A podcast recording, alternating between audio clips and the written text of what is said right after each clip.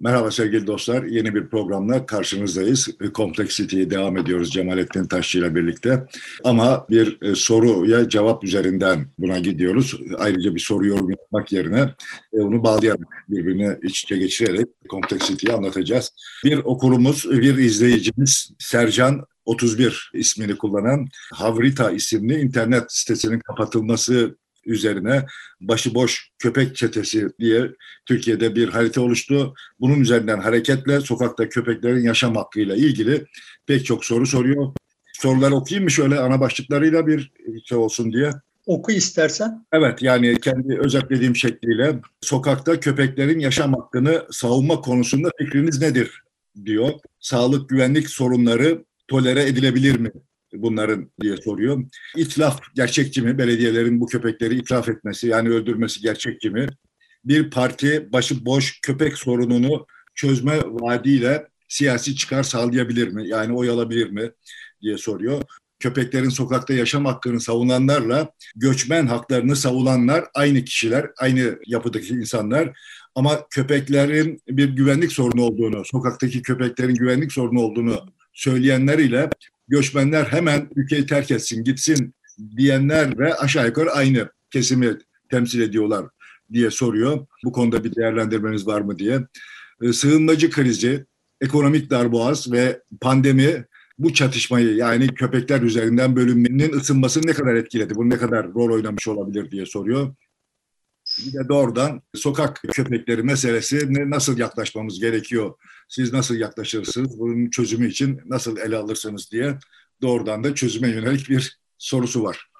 Evet çok şık ifade edilmiş. Çok iyi formüle edilmiş.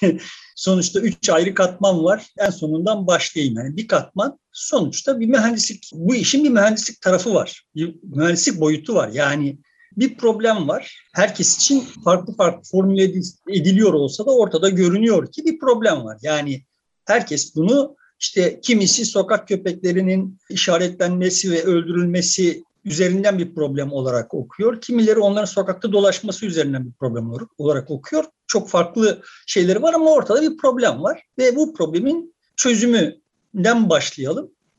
Böyle bir şey düşünmüş değilim. Çünkü hani üstüme vazife olmayan şeyler hakkında da çok fazla düşünmüyorum. Yani hayatta karar verilmesi gereken çok husus var ve bu hususların birçoğu hakkında kararım yok. Çünkü beni ilgilendirmiyor yani. Burada da bir kararım yok ama bir metodoloji olarak bana eğer bir görev verilse dense ki ha bak böyle burada bir problem var kardeş. Kimsenin başını ağrıtmadan ya da olabildiği kadar az baş ağrıtarak bu problemi çözelim dese ne yapardım mı kabaca formüle etmeye çalışayım. Bir kere önce ciddi bir biçimde araştırma yapardım tarafları dinlemeden önce. Çünkü tarafların daha sonra geleceğim oraya. Tarafların meselenin aslıyla aslında neye tekabül ettiğiyle çok bir alakası yok. Taraflar birbirini dövmeye çalışıyorlar yani.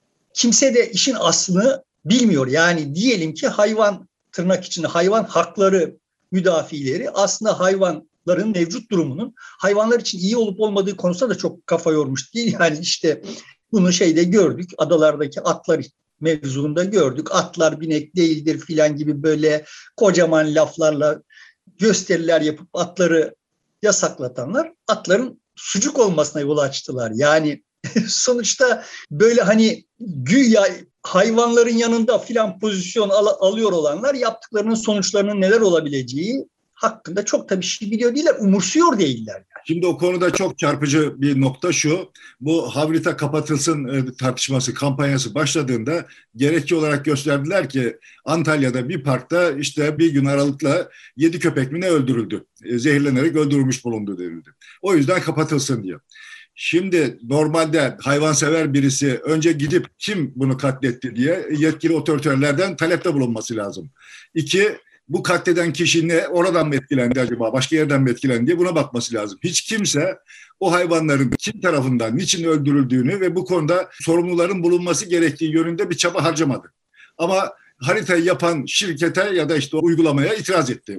Saldırdı bu kapatılsın diye. E yani sonuçta şimdi herkes üç aşağı beş yukarı kendince, kendi aklınca şeyi keşfetti. Kamuoyu oluşturmak, sosyal medya üzerinden kamuoyu oluşturmak vesaire. İşte herkes tatmin ediyor ve herkes kendisini tatmin etmeye çalışıyor.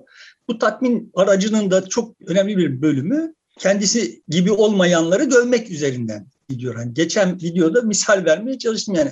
Adam diş fırçalarken suyu kapatıp kapatmamayı kapatmamak üzerinden bile kutuplaşıyor. Yani bunun ideolojik falan falan bir tarafı yok. Buraya gelmeye çalışacağım. Ama son tahlilde bir problem var ve bunun çözümü eğer araştırılacaksa önce tarafları dinlemeden önce mevzu ne kardeşim bunu anlamamız gerekiyor. Yani bu sokak hayvanları nasıl çoğalıyorlar? Hangi şartlarda biz şimdi mevcut sokak hayvanlarını mı korumaya çalışıyoruz yoksa bu köpeklerin özgürce çoğalıp kendi tabiatlarının, fıtratlarının gereği olarak çoğalmak istiyorlar. Çoğalıp işte bu köpek neslinin gücü neyse, ne kadar yayılabiliyorsa o kadar yayılmasını mı müdafaa ediyoruz mesela?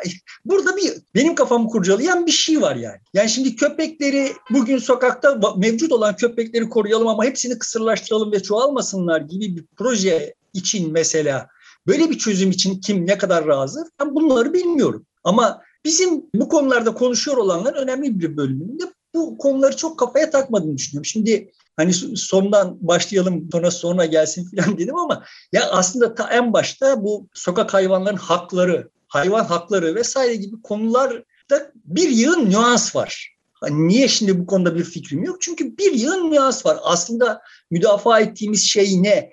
Hayvan hakları ne manaya geliyor? Hak kavramı bu anlamda genişletilebilir mi? Yani benim terminolojimde hak görevle yan yana olan bir şeydir.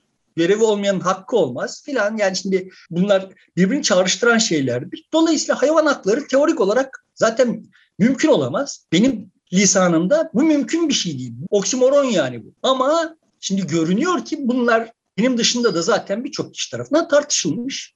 Dolayısıyla benim bilmediğim birçok mevzu da tartışılmıştır. Çok nüanslı bir bütün hikayeler gibi. Bu hikayede çok nüanslı bir hikaye. Ve evet yani şimdi bu nüanslara vakıf olmak gerekiyor. Bir hükme varmak için filan ama problemi çözmek için o kadar her şeyde hakim olmak gerekmeyebilir bu anlamda. Çünkü yani hikayenin çok daha öncelikli boyutları var. İşte izleyicinin de işaret ettiği gibi hijyen boyutu var. Bu sadece köpeklerin işte virüs vesaire falan bulaştırması gibi değil. Yani köpeklerin beslenmesi amacıyla yapılıyor olan işler parkları, sokakları kirletiyor. Yani bunları çözebileceğimiz yani bunun yol açtığı problemler nelerdir? Kaynakları nelerdir? Bunların etraflıca analizi gerekir. Mühendis kafasıyla ve ondan sonra ancak bir politika önerebilirim yani. Benim benim metodolojim böyle bir şeydir. Şimdi bu programı aslında çizgiselliğe bağlamak istememin sebebi de buradan kaynaklanıyor. Genel olarak tablo şöyle. Evet ortada bir problem var ve işte bilimi yediğimizi alırsak, doğru dürüst akıl yürütürsek ve de işte bu mevzu taraf olanları da dinlemeden güzel güzel bir çözüm üretebiliriz ve tam kastımız neyse o kastımız gerçekleşir. Gerçekleşir mi? Bazı durumlarda kastımız gerçekten gerçekleşir. Yani diyelim ki biz öyle bir çözüm bulduk ki bu çözüm tam da işte sokak köpeklerinin veya sokak hayvanlarının herhangi birisinin canına da kastetmeden veya işte bir vahşete sebep olmadan ama sokaklarda hayvan terörünü ve hayvan problemlerini, hijyen vesaire gibi sağlık problemlerini de ortadan kaldıracak bir çözüm bulduk. Şimdi sorun şu, biz bu çözümü bulduğumuz ve uyguladığımız zaman sadece bizim istediğimiz şey gerçekleşmez. Birçok başka şey de gerçekleşir. Biz genel olarak dünyayı şöyle okuyoruz. Biz bir kasıtla bir şey yapıyoruz. İşte para kazanmak için şuraya bir fabrika, uşağa bir fabrika kuruyoruz. Tamam ne güzel. Evet şuradan çeliği alıyoruz, buradan boyayı alıyoruz, buradan filan işte şuradan da işçiler geldi. Tamam sonuçta üretimi yaptık. Çamaşır makinesi ürettik. Sattık. Paramızı kazandık yani. Kazanıyoruz filan. Tabii amacımız buydu. Sonuca ulaştık mı ulaştık ama şimdi bunun sayısız bizim amacımızın dışında başka amaçların da amaçların sonucunda yapılmış olan şeylerin de orada işe yaraması gerekiyor. Yani kafamıza mesela şimdi bu Uşak'ta yapacağımız işi Uşak'ta yaptığımız zaman olan işi kafamıza göre diyelim ki Suriye'de yapamayız. Çünkü savaş var. ya da işte ne bileyim falanca yerde yapamayız çünkü yeterli elektrik yoktur filan. Şimdi birçok başka faktör bir araya geliyor. Vasıflı iş gücü olacak, şu olacak, bu olacak, okullar onları üretmiş olacak filan falan böyle bir yıl faaliyet yani sadece bizim kararımızın sonucu olarak olmuyor olan. Olan sayısız birçok kararın sonucu olarak oluyor ve sadece bizim kastımız gerçekleşmiyor. Birçok başka şey de gerçekleşiyor. Yani Uşak'ta işsizlik düşüyor. İşsizlik düştüğü için işsizliğin yüksek olduğu yerlerden göç başlıyor. Göç başladığı için işte göçenlerle yerliler arasında gerilimler oluyor vesaire vesaire. Şimdi bunlar... Orada çalışan ve, iş, işçi sendika lider oluyor. Oradan politikaya atılıyor. Belediye başkanı oluyor filan. Gibi. Yani sonuçta şimdi Oradaki boyacı, işçi, erkek işçi, temizlikçi kadınla birbirine aşık oluyorlar, evleniyorlar ve senin çerçevende hiç olmayan ama onların hayatı açısından bakıldığında hep tayin edici karar oradan çıkmış oluyor. Eğer o fabrika kurulmasaydı olmayacaktı olan bir izdivaç gerçekleşiyor filan. Yani şimdi böyle bunların sayısız başka sonuçları var. Dolayısıyla şimdi biz ister istemez kaçınılmaz olarak dünyaya bakarken bizim kastımız neydi ve gerçekleşti mi diye bakıyoruz. Bunun çok... Bir işi yaparken e, her şey hepsini kontrol edip her şey gerçekleşsin diyemezsin. Sen kendi amacına uygun olarak hareket edersin, onu gerçekleştirmeye çalışıyorsun. Ben de tam bunu işaret etmeye çalışıyorum. Şimdi bizim imkanlarımız bu kadar ve bu imkanlarla dünyaya müdahale ederiz. Hani buradan Orkun'a da cevap vermiş olacağım. Yani ben müdahale imkanları, insanların müdahalesini ortadan kaldırmak falan filan gibi bir derdim yok. Ama nasıl bir dünyada yaşıyor olduğumuzu ve neleri ihmal ediyor olduğumuzu zihinsel olarak burada dile getirmeye çalışıyorum kendimce, kendi anladığım şekliyle. Sonuçta müdahalesiz bir dünyayı düşünmediğimi, insan müdahalesi olmayan bir dünyayı düşünmediğimi defaatle söyledim. Bu müdahalenin biçiminin, formunun ve işte muhtevasının hakkında konuşuyor. Müdahale olmasın, devlet olmasın falan falan demiyor. Söylediğim şey şu. Kardeşim bak müdahale istiyor iseniz bir rahatsızlık duyuyorsanız müdahale edeceksiniz. Yaptığınız müdahale diyelim ki işte başınız ağrıyor. Falanca hapı alacaksınız. Hapı aldığınız zaman başınızın ağrısı geçecek. Evet ama bunun dışında yani benim midemle ilgili sıkıntılarım var ve işte alüminyum içeren bir ilaçla midemin sıkıntılarını gidermeye çalışıyorum. Bu da benim vücudumda alüminyum birikimine yol açıyor ve onun başka mahsurları var. Şimdi var olmayan bir takım rahatsızlıklara maruz kalacağım ileride yaşadı, yaşarsam eğer, yeterince yaşarsam. Şimdi hayat böyle bir şey. Müdahale etmeyeyim ben canım başım ağrısın falan. E, gerçi benim hani ilaç kullanmak konusunda çok tedbirliyim. Olabildiği kadar kullanmamaya çalışırım yani. Mümkün olduğu kadar. Ama sonuçta kullanmadan hayatımın konforunu sürdüremeyecek olduğumu hissettiğim zaman da yani işte tamam yani müdahale ediyorum. Müdahalemiz benim istemediğim sonuçlara da yol açıyor olduğunu bilerek müdahale ediyorum yani. Bunu yaparken herkesin kendi aklı var bu tür şeyler. Herkesin kendi aklı var ve herkesin olabildiği kadar kendi aklıyla oyuna katılması hepimizin sağlığınadır diye geliyorum. Yoksa itiraz ettiğim şey şu. Bak ben doğruyu biliyorum ve devleti alacağım eğitim kurumlarında şunları öğreteceğim problem çözülecek. Nereye itiraz ediyorum? Orkun'la aramızdaki hani senin benden ne farkın var demiş. Çok bariz bir farkın var bana kalırsa. Bilmiyorum yani Orkun'a bu fark görünmüyor. Bana görünüyor. Belki de Orkun haklıdır. Aramızda bir fark yoktur. Bilmiyorum yani. Ama ben diyorum ki kardeşim bak devlet arkanıza almayın. Müdahale edecekseniz aha elinizi taşın altına sok. Orada bir, bir takım tarikatlar varsa ve bu tarikatlar sizin hoşunuza gitmeyen sonuçlar doğuruyor ise size göre siz de burada sivil olarak örgütlenin ne tarikatlar devlet arkasına alsın ne siz devlet arkanıza alın. Şimdi bana diyorsanız ki ama bak tarikatlar devlet arkasına alıyor. Ya almasınlar. Ben zaten on, onların devlet arkasına aldığı zaman da onları da sövüyorum. Sadece size sövmüyorum ki. Ama e, kaçınılmaz olarak devleti birisi arkasına alıyor. Bunu engelleyemiyoruz. Öyleyse ben arkama alayım fikri öne çıkıyor. O yüzden de diyorum ki bak devleti geriletelim. Toplumu güçlendirmemiz gerekiyor. Benim de söylediğim şey zaten bütün bu, bu kadar gevezeliğin özeti bu. Yani yıllardır söyleye geldiklerim özeti bu. Bak kardeşim bu devleti biri devlet burada böyle durduğu sürece ve bu kafayla bu mantıkla durduğu sürece ya sen devleti ele geçireceksin ya öteki ve bunlar nöbetleşi olacak anlaşılan bu. Bu sağlıklı bir toplum doğmasına yol açmıyor. Dolayısıyla şimdi biz devleti bu tür işlerde elini ortalık yere sokamayacak kadar zayıflatalım, birletelim. Burada kendi kozumuzu paylaşalım. Herkes kendi kozunu paylaşsın ya. Ben de seyredeyim. Orkun'la tarikatçıların kavgasını seyredeyim. Bakayım bakalım. Eğlenirim belki yani. Ama şimdi eğlenceli bir şey çıkmıyor. Şimdi kan çıkıyor yani olayda. Bu, bu mesela şöyle de bir toplum. Devleti diyelim ki arkasını almadı tarikatlar toplumun inancı dolayısıyla daha yaygın bir alanda ve kolayca yayılma kabiliyetleri var ve işte bunlar din düşmanı deme gibi çok kolay bir e, ön alışları var. Bunun karşısında toplumu büyük kesimini arkasına almış olabilir tarikatlar ve onun karşısında mücadele edemeyebilirsin. Böylece ister istemez devlet gibi başka gücü yanında e, arar duruma geliyorsun.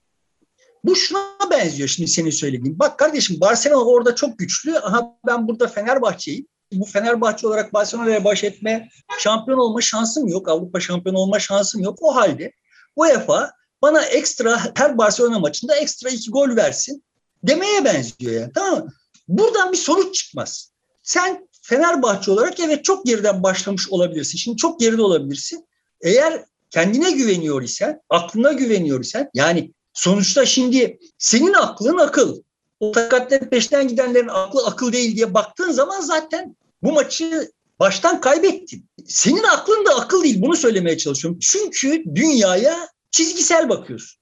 Yani sittin sendromu bu işte aydınlanma aklı dediğim şimdi komplekslikle söylemeye çalıştığım şeyler falan bunlar. Çizgisel bakıyorsunuz dünyaya ve tamam şimdi şunu çözmek için şöyle bir şey yapacağız diyorsunuz yaptınız Bugün bizim karşı karşıya olduğumuz bütün bu problemler o zaman almış olduğunuz işte o iki gol avans ya da işte o baş ağrısı hapının sonucu. Oradan birikmiş olan şeylerin faturasını ödüyoruz. Yoksa yani memlekette o sizin düşündüğünüz türden böyle haydi millet ezan, Muhammed falan falan dendiğinde fütursuzca böyle bodoslama gidiyor olan kimse yok.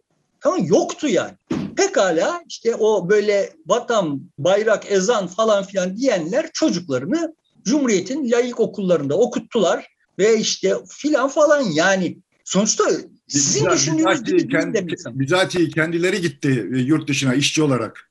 Evet yani sonuçta sizin düşündüğünüz gibi değiller. Ama siz ısrarlı bir biçimde vay sen sokak köpeklerine karşısın, gaddarsın falansın. Yani o işte hani seninle bunu konuşmuştuk yani o Florya plajındaki kadının edasıyla kanunen doğru olan bir şeyin ve işte oradaki toplumun önemli bir bölümünün talebi olan bir şeyin yapılmasına mani olurken işte vay ben savcıyım filan falan gibi böyle üstten üstten kendisinden başka kimseyi adama saymayan edası yüzünden ulan bunlar bizi köpek kadar bile şu köpekler kadar bile bize değer vermiyorlar duygusu uyandırıyorsun. İşte kastım bu olmayabilir ama bu bunu uyandırıyorsun ve ondan sonra ben o duyguyla tahrik olmuş olan, onunla harekete geçmiş olan kitlelerin öfkesinin faturasını ödeyenlerden oluyorum yani. senin salaklığın yüzünden, senin dünyayı okumandaki salaklık yüzünden yani orada işte bir e, belediye aracına mani olarak kendince işte bir kahramanlık. Aslında orada bir kahramanlık yok. Aslında Tekrar söylüyorum bir problem çözmek, o köpeğin hayatını kurtarmak, o köpek tekrar da soru şu ve o köpeği kurtardık. Peki so what yani şimdi o, o köpeği kurtardık, o köpeğin 20 tane yavrusu oldu. O 20 yavruyu da kurtaracağız. E onların 4000 tane yavrusu olacak. Yani köpek dediğin şeyin kendi kendisini şimdi temel tartışma odaklarından bir tanesi şu oluyor. Ya kardeşim tamam da bak burada İnsanlar da var. E insan kendi başının çaresine bakabilir. Köpek bakamaz. E köpek kendi başının çaresine bakamaz ama bütün biyolojik türler içinde kendi iradesiyle kendi çoğalmasına sınır koyan tek biyolojik tür insan.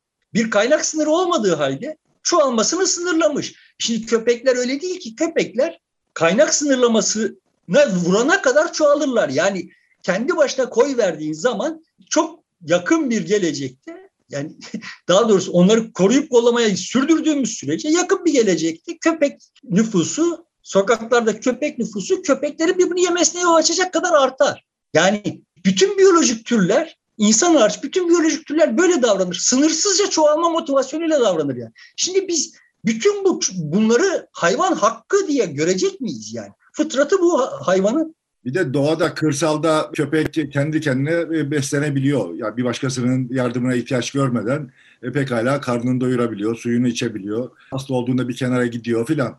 Aslında o kadar da kendilerine bakamayan bir şey değil. E, hayvan, köpekler itibariyle baktığımızda esas itibariyle. Ama kentte bu biraz daha zor. Yani sonuçta şimdi tablo şöyle bir şey. Tekrar hani bu çizgisellik mevzuna geleyim. Şimdi sokak hayvanları var, köpekler var, kediler var. Bizden daha merhametli olduğuna vehmetmiş. Daha doğrusu toplumun az gelişmiş, vahşi işte krolarından farklı olduğuna vehmetmiş. Bunu da kendisine ispatlamak için işte bütçesinin bir kısmını bu hayvanlara ayıran işte bizim sokakta var yani böyle kaldırım boyunca köpek maması, kedi maması yani bir yığın pislik yani. Çünkü onlar orada seni koyduğun yerde durmuyor ki. Yayılıyor, yağmur yağıyor, şeye sulara karışıp bakıyor. Ama daha daha vahim bir şey oldu yani. Buralar martı doldu. Martılar kedileri kovdular. tamam ve olağanüstü berbat sesleriyle gece gündüz hayatı zindan ediyorlar yani.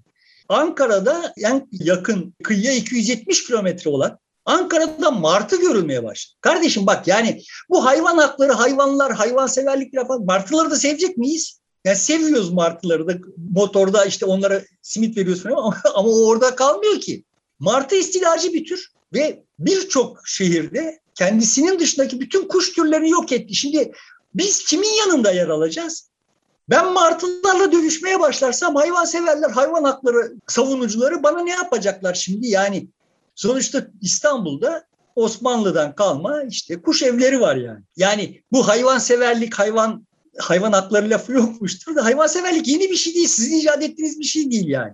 Sorun şu, herkesin sevdiği hayvan farklı kardeş. Sen martı seviyorsun, ben karga seviyorum. Ne yapacağız şimdi yani? Martılar kargaları kovdular. Evet. Bu oyuna böyle yukarıdan, üstten biz işte bütün bu hayvanların hayvan kategorisinin hamisiyiz filan edalarıyla bakılmasının imkanı yok. Dünya ve ekosistem öyle çizgisel olarak çözülebilir bir şey değil. Bana şimdi derseler sokak köpekleri problemini çöz diye bir çözüm üretsem, üretirim yani sonuçta yeterince çalışırım, bir çözüm üretirim. Şunu bilerek üretirim. Benim bulduğum çözüm yepyeni sorunlara yol açacak. Yani çözeceğim ben problemi ve o yepyeni sorunlara yol açacak. İnsan türünün kaderi budur.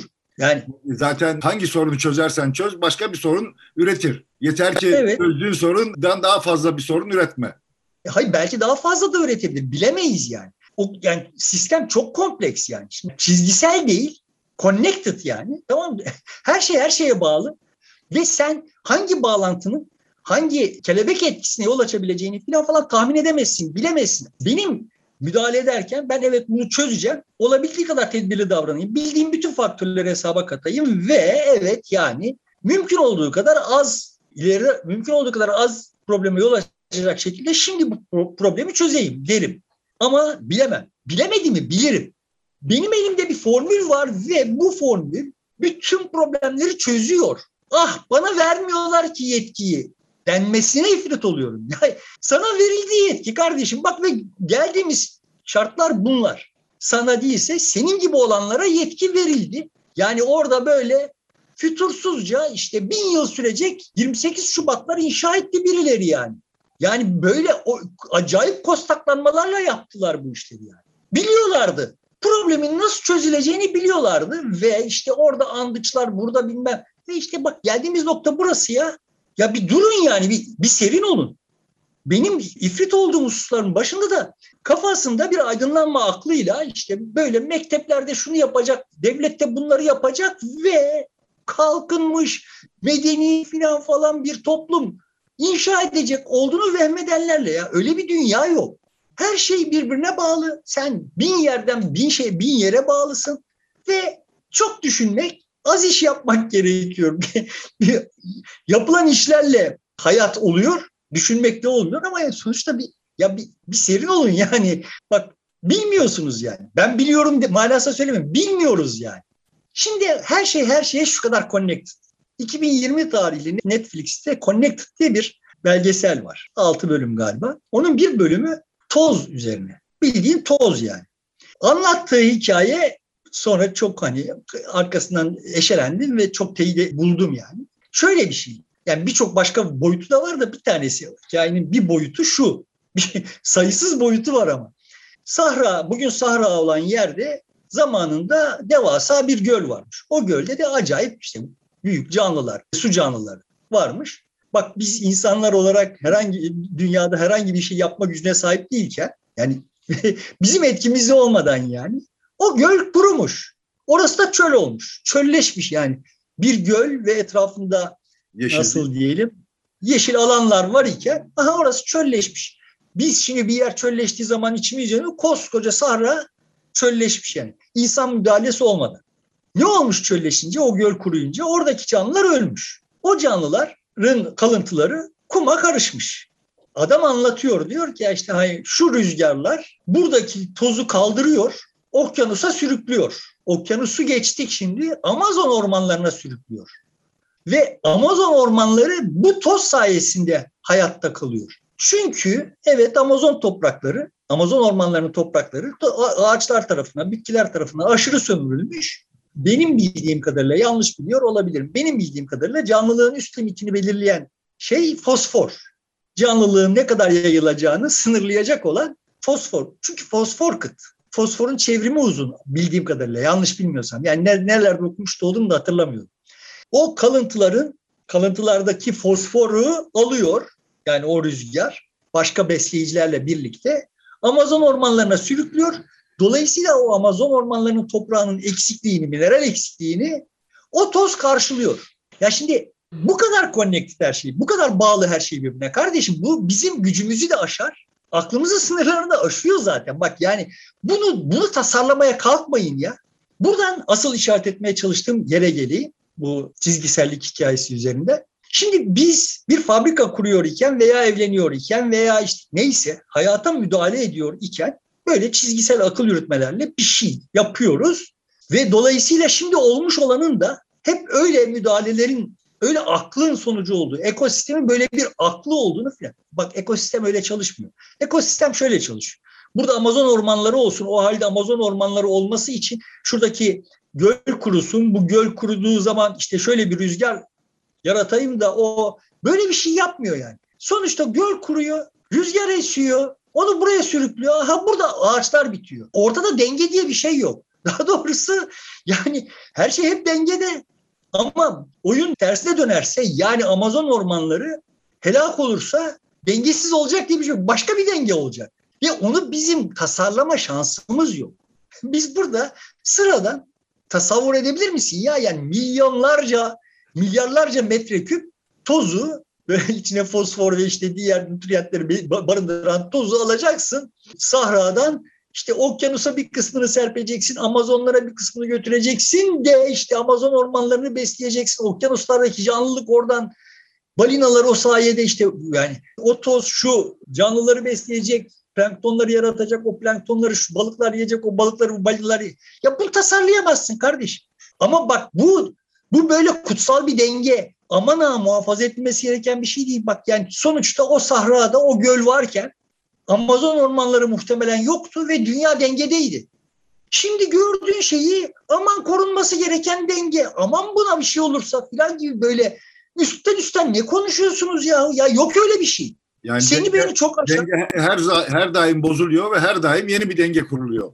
Evet ve bu sonuçta yani biz burada müdahiliz. Sonuçta işte görünüyor ki o o rüzgarlar da müdahil. Yani hayat böyle bir şey. Dünya, alem böyle bir şey. Kainat böyle bir şey. Her şey her şey müdahil kendi kabilince ve biz de burada müdahiliz. Sonuçta biz de kendi kabilimizce müdahiliz. Yani sırtlanlar aslanların peşinde koşup onları ürkütüp onların avlarını ortak olarak vesaire falan falan yaşıyorlar. O, oyuna müdahiller.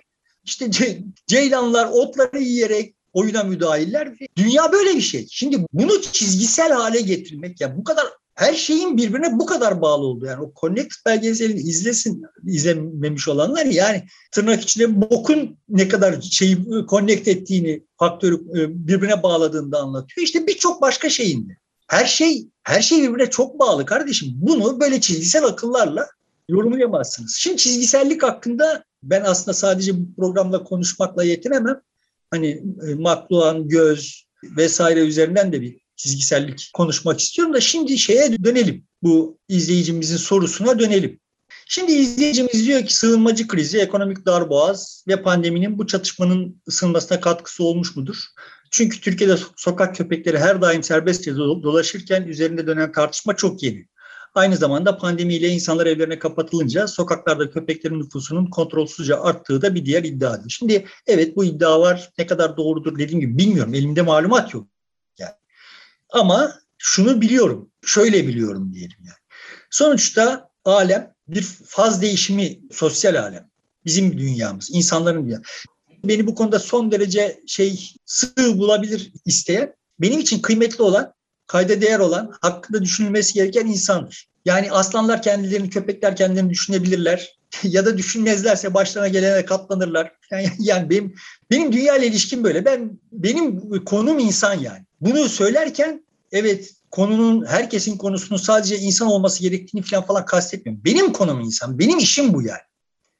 Dolayısıyla ben benim ağzıma laf geldiğinde insan üzerinden ve insan için konuşuyorum. Başkaları işte e, başka mevzular hakkında konuşacaklar. Bu iş bölümü yani. Ama herkesin oyuna korkmadan, ürkmeden ve birbirini aşağılama katılmasını sağlamak gerekiyor. Benim koordinatımı belirlemiş olduk. Ben olaya insanlar açısından bakıyorum. Şimdi insanların dünyası bir faz değişimi içinde ve bu faz değişiminin işte her şey birbirine bağlı olduğu için her yerde birden tansiyonu yükseltiyor. Yani çoklu organ yetmezliği yaşıyor insanlık. Bizim siyasi, sosyal, iktisadi sistemlerimiz çoklu organ yetmezliği yaşıyor. Şimdi oradan dolar basarak buradan bir şey, faiz bilmem şunu yaparak bunu yaparak olayı hani bitkisel hayatta sürdürmeye çalışıyoruz. Ama görünüyor ki işte oradan bir pandemi çıkıyor ve hayat alt üst oluyor. Yani muhtemelen eskiden sebep olmayacağı kadar artık dalgalara yol açıyor şey. Ekstra dalgalara yol açıyor yani. Yani her her e, şey. Dolayısıyla evet şimdi benim geldiğim nokta da olay şu. Mesele hayvan hakları veya işte sığınmacı meselesi veya şu bu değil. Mesele sonuçta biz ikiye bölünmüş durumdayız bütün dünyada. Ve bu ikiye bölünmüşlük içinde biz karşı tarafın sırtını yere getirmek derdindeyiz. Bu demin de sözünü ettim. Osmanlı'da da işte orada kuş evleri vardı. Böyle mermerden kuşlar kendileri yuva yapmasınlar biz onun yerine yuva yapalım züppeliğinde olanlar varmış. Ha yani dünya tarihinde hep bunlar, bu tür züppelikler vardı. Yani kuşların adına düşünenler, efendim şimdi hayvanların adına düşünenler ve hep vardılar. Daha incelmiş, daha medeni, daha filan olanlar ve bunların yani sarayına bordo şarabı sipariş eden, bilmem ne kadar bordo şarabı sipariş eden Osmanlı prensesi de işte ispirto içen Osmanlı tebaasını aşağılıyormuştu yani. Yani oyunun kuralı bu yani. Orada hep böyle bir böyle çok incelmiş, çok sofistike, kendisini çok bir şey gören birileri vardı. Hep vardı tarih boyunca. Mesele şu. Onlar küçük bir azınlıklar ve kalanların ya bir dakika lan sana ne oluyor? Deme lüksleri yoktu çünkü siyasal düzen buna imkan sağlamıyor diye. Toplum çok zayıf. Sonra, Toplum yönetimler karşısında çok zayıftı, dayanıksızdı. Evet. Sonra işte bu demokrasi filan gibi şeyleri geliştirdik. Geliştirdiğimiz zaman işte bu toplumun belli bir kesimini oyunun ortağı ettik. Yani onlar inceldiler. Onların tepesindeki aristokrasi bu yeni incelenleri yeterince incelmiş görmüyorlardı. Yani çünkü onlar Bach dinliyorlardı. Bunlar Beatles dinlediler. filan yani. Ama, ama son toplamda Beatles din, dinleyenler Bach dinleyenleri dövdü. Tamam yani sonuçta Bach, Bach'ın yaptığı müziği yapan kimse de kalmadı. Yani o kategoride müzik yapan kimse de kalmadı yani. Sadece Bach dinleyenler dayak yemekle kalmadı. Bach kategorisi dayak yedi yani. Artık işte, onlar işlerini bitirdiler. Üretim de yok orada.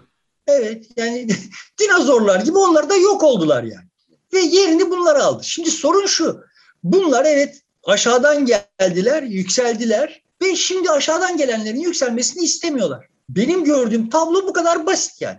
Bu da sürdürülebiliyor idi. Neden sürdürülebiliyor idi? Çünkü işte aşağıdan gelenleri kademeli olarak yumuşakça yukarıya transfer edecek mekanizmalar vardı. Diploma başta olmak üzere falan. Ve böyle çizgisel çizgisel düzenlenmiş bir şey vardı ve bunlar aslında alan boş olduğu için imkanlar mevcut teknolojik seviye itibariyle bakıldığında imkanlar bu akışı yönetmeye imkan verdiği için şıkır şıkır da çalıştı bir 40 sene sistem. Hadi 60 sene diyelim. Çalıştı. Şimdi çalışmıyor.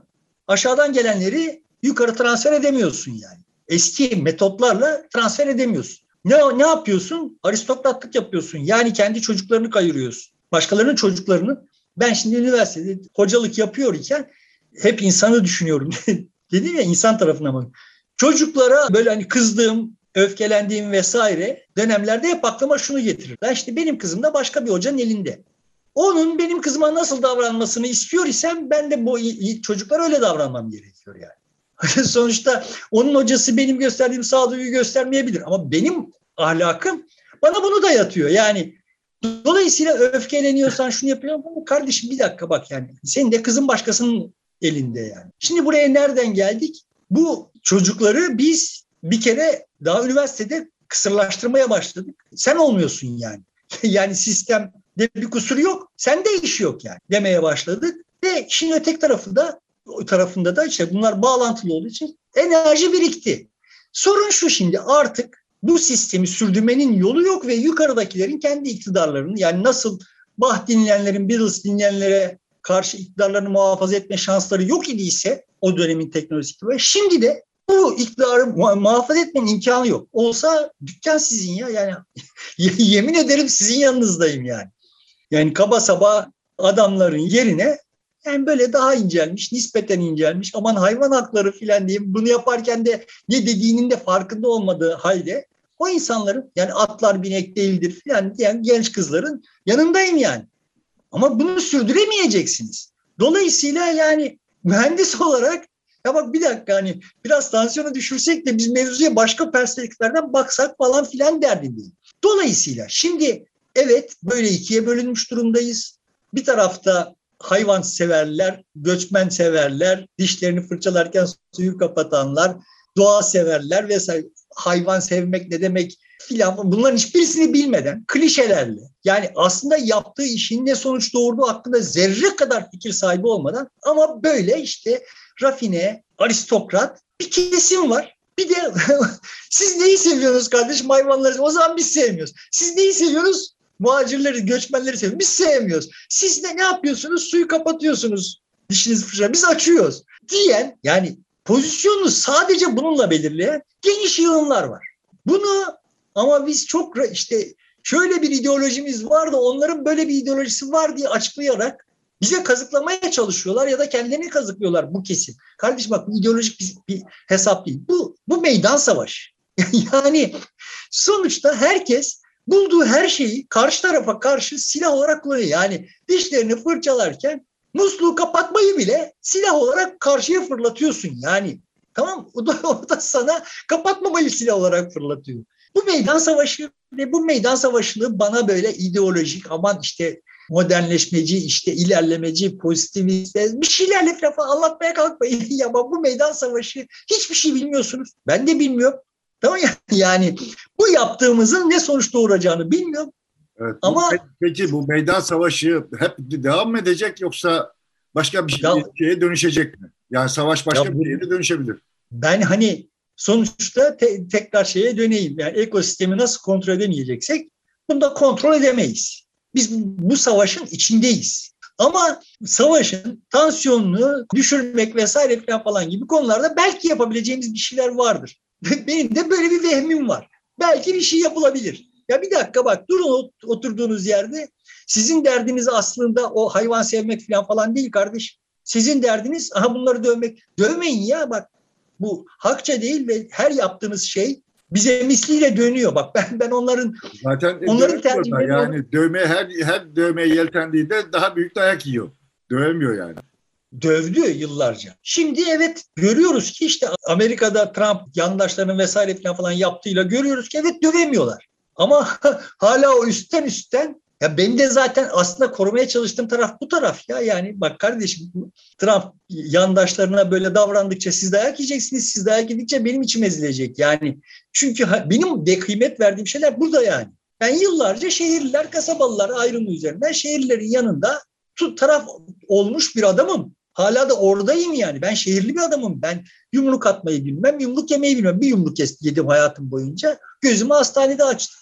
Peki bu yani, şehirliler e, bireysel olarak baktığımızda çok akıllılar, yetenekliler, pek çok becerileri değiller, var. Ee, değiller. Hepsinin ezberleri var. Ve be, benim de 20 yıldır yaptığım iş bu ezberlerle mücadele etmek. Bak kardeşim söylediğiniz insan değilsiniz. Söylediğim şey bu. Söylediğiniz insan değilsiniz. Söylediğiniz insan olsanız Eğer o kadar merhametli, o kadar şefkatli olsanız, köpeklerin hukukunu koruyan insanlarınız, köpeklerin ısırdığı çocuğun hukukunu da korursunuz. Yani o çocuğun ne günahı var ya? Köpeğin hakkı vardı, o çocuğun ne yok yani. Yani şimdi bana şu geyikleri anlatan insanların böyle hani köpek şeyi tanır, kötü insanı tanır. Yani ne kötü insanı, ne iyi insanı ki kim iyi, kim kötü, neye göre iyi, neye göre kötü. Ne biçim laflar bunlar yani. Sen şimdi bunu böyle söylediğin zaman karşıdaki insanların seni bulduklarına suratına yumruk atmamasını neye istinaden bekliyorsun? Bir şey bilmiyorlar yani. Yani bilerek daha böyle yani en azından bilgili, akıllı. en azından daha iyi şeyler biliyor olduklarını varsaymak gerekiyor. Çünkü kentte kentteki insanın bilgisi birbirinden etkileşiminin kasabadakine göre çok daha fazla olması ve buradan da harekette doğruyu daha çabuk buluyor olması lazım. Ya da işte örgütlenme anlayışını, yapıp etme biçimini değiştirmesi gerekiyor. Sınayıp sınayıp yeni bir şey bulması gerekiyor. Burada şimdi işte ben de diyorum ki son tahlilde tayin edici olan örgütlenme biçimidir. Bu mevcut savaşa göre uygun bir örgütlenme biçimini icat edemedik. Çünkü bu zaten icat edilmez, zuhur eder. Zuhur edecek yani filan. Ama işte bu zuhur etme sürecinde bizi felç ediyor olan, zihinsel olarak felç ediyor olan bir takım ezberler var. Bu ezberlerden kurtulursak belki daha yaratıcı, daha canlı bir hayatı kurmak için daha zaman kazanabiliriz. Daha az hasarla bu işten çıkabiliriz. Bizi felç ediyor olan işte bu lineer, çizgisel, indirgemeci vesaire falan bir aydınlanma aklı var. Bu aydınlanma yani 40, 40 yaş altında herhalde daha azdır. Bu Sedat Peker'in söyleyip durdu. Muhtemelen onların daha da yaş almalarını bekleyeceğiz o zaman. Daha az ama işte burada da her fikrin bir inerşiyası var. Her, her şeyin bir inerşiyası var. Yani öyle kolayına ortadan kalkmıyorlar. Aa bak ben burada yanlış düşünüyormuşum filan deyip de insan böyle küt diye başka bir paradigmaya geçemiyor yani. Bu paradigma değişiminin yarattığı bir gerilim var. İçinde bu içinde yaşadığımız şey böyle bir şey. Şimdi burada böyle dönülüyor. Yani ekşi sözlükte geçen gün başlık açtı. 90'ların çok güzel olmasının sebebi. Ulan 90'ları yaşadığınızda mı biliyorsunuz lan? Yani 90'ların neresi güzeldi yani? Bugünler baktığın zaman bile güzel görünecek bir tarafı yok yani. Sonuçta işte susurluk oldu ve gördük biz 90'larda oldu bunlar kardeşim. 90, tamam şimdi 93'te boyunda cinayetler oldu. İnsanlar öldürüldü, durdu. Hiç durmadı. Evet. Devlet devlet değildi, toplum toplum değildi, ekonomi ekonomi değildi. Yani yaşadığımız krizlerin adli hesabı yoktu. Soygunların adli hesabı yoktu yani.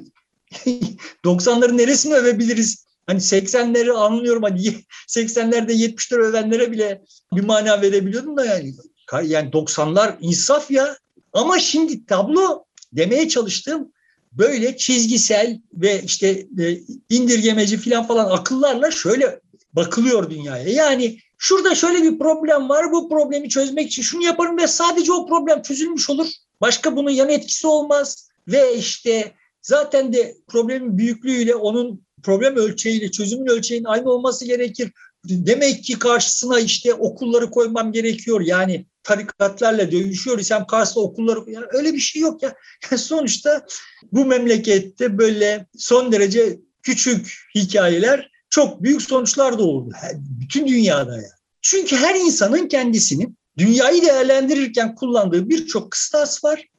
Ya bak ben sana şimdi şöyle bir şey anlatayım. Bu hikaye cuk oturacak mı bilmiyorum ama benim dedem, annem babası rahmetli altı tane eşi olmuş. Yani üstüne iki nikah olmadan yani. Beş tanesi ölmüş. İlk dördü hiç çocuk yapamadan ölmüş. İlk beşincisi yanlış bilmiyorsam dört tane çocuk yapmış ve ölmüş. Bunun üzerine işte o çocuklara bakması için anneannemle evlenmiş. Ben anneannemin en büyük torunuyum.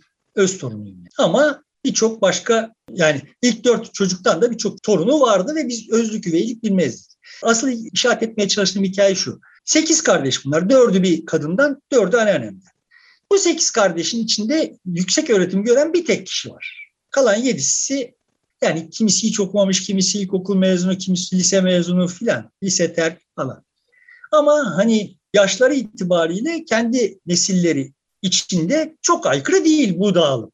Asıl fark ikinci nesilde ortaya çıkıyor. Şimdi ben anneannemin en büyük öz torunuyum ama benden daha küçük öteki kadından gelme, ilk kadından gelme torunlar da var. Sonuçta 30 küsür torundan söz ediyoruz o nesilde. Bunların içinde Bunlar böyle yaş olarak de, dediğim gibi şeye yayılmışlar. Hani blok halde ilk kadının torunları daha büyük. E, tabii ki yaş ortalamaları daha büyük ama blok halde daha büyük, ötekiler daha küçük değil yani. Mesele şu şimdi. Bu 30 küsür kişinin ilk kadından olanları arasında bir kişi var. İki yıllık yüksek öğretim yapmış. Meslek yüksek okulu mezunu. Kalan hiçbirisi liseden öte okumamış. Anneannemin torunlarının arasında herkes yüksek okul mezunu. Kimisinin iki fakülte diploması var, kimisi akademisyen vesaire. Şimdi işaret etmeye çalıştığım şey şu. Sonuçta bu insanların diğer kadından gelen torunların sosyal, iktisadi performansları itibariyle diğerlerinden bir farkı yok dağılım olarak. Ama çok net bir biçimde şey görünüyor yani. Burada genetik bir faktör var kardeş. Yani anneannemle ilgili genetik bir faktör var. Akademik başarı doğrudan doğruya anneannemin genleriyle alakalı bir şey. Böyle görünüyor yani. O kadar keskin bir ayrım ki bu. Bu sonraki nesilde de kısmi olarak devam ediyor yani. Sonraki nesilde yani üçüncü nesilde evet öteki tarafta da yüksek okul mezunları başlıyor ama yani o akademik başarı çok dopingli. Akademik performans çok dopingli yani. Herkes okuyor bizimkiler de okusun şeyiyle olmuş zorlamasıyla. Yani burada olay öyle olmuyor yani. Dolayısıyla şimdi sen bir evlilik kararı veriyorsun ve evlendiğin insanın genlerinin senin çocukların üzerinde ne etki, torunların üzerinde ne etki yapacağını bilme şansın yok. Yani bu dünyayı böyle kontrol etmeye kalkmak, buna vehmetmek, buna hükmetmek ne kadar safça bir şey ve bak kardeşim sonuçta orada o genetik faktörler senin burada okul vesaire falan falan diye yaptığın yığınla yığına ya püskürtüyor ya da onu destekliyor. Ya senin yaptığınla sınırlı bir şey değil yani. Sonra sen başlıyorsun ama işte orada falan bunları okuyor, okuyor da bunları okumuyor da. O, bak o okumayanların senin bilmediğin faktörleri var yani. Şimdi köpeğin hakkını koruyorsun da yani şimdi onun da senin bilmediğin genetik faktör var. Burada şunu söylemek derdine değilim. Yani akademik performans önemli buluyorum. Bunu olumlu buluyorum. Böyle bir şey vehmetmiyorum. Yani Hani bir futbolcu vardır çok güzel şut çeker, ötekisi çok iyi koşar filan falan. Herkesin farklı farklı meziyeti var. Akademik performans da bunlardan bir tanesi yani. Ama şimdi akademik performans üzerinden insanları tasnif edip toplum dizayn etmeye kalkanlara söylemiş olayım ki ya o zaman bu akademik performans gösteremeyenlerin hakları hakkında da kendi açınızdan böyle çok kaygı duymanız lazım. Yani geçen gün Osman beni uyardı. Yani fazlalığın borcundur diye. Yani, yani bunu da tam da sokak hayvanları hakkında konuşurken, daha doğrusu hayvanlar hakkında konuşurken söyledim. Yani köpekten fazlası o senin köpeğe borcun. Şimdi bu çok bilgece ve çok derin bir kavrayış. E ama o zaman aynı mantıkla yani Osman zaten öyle yapıyor da başkaları için aynı şeyi söyleyeyim. O zaman o okuyamayan insanlar ya da okumayan insanlara karşı da fazlasınız ve borçlusunuz kardeş.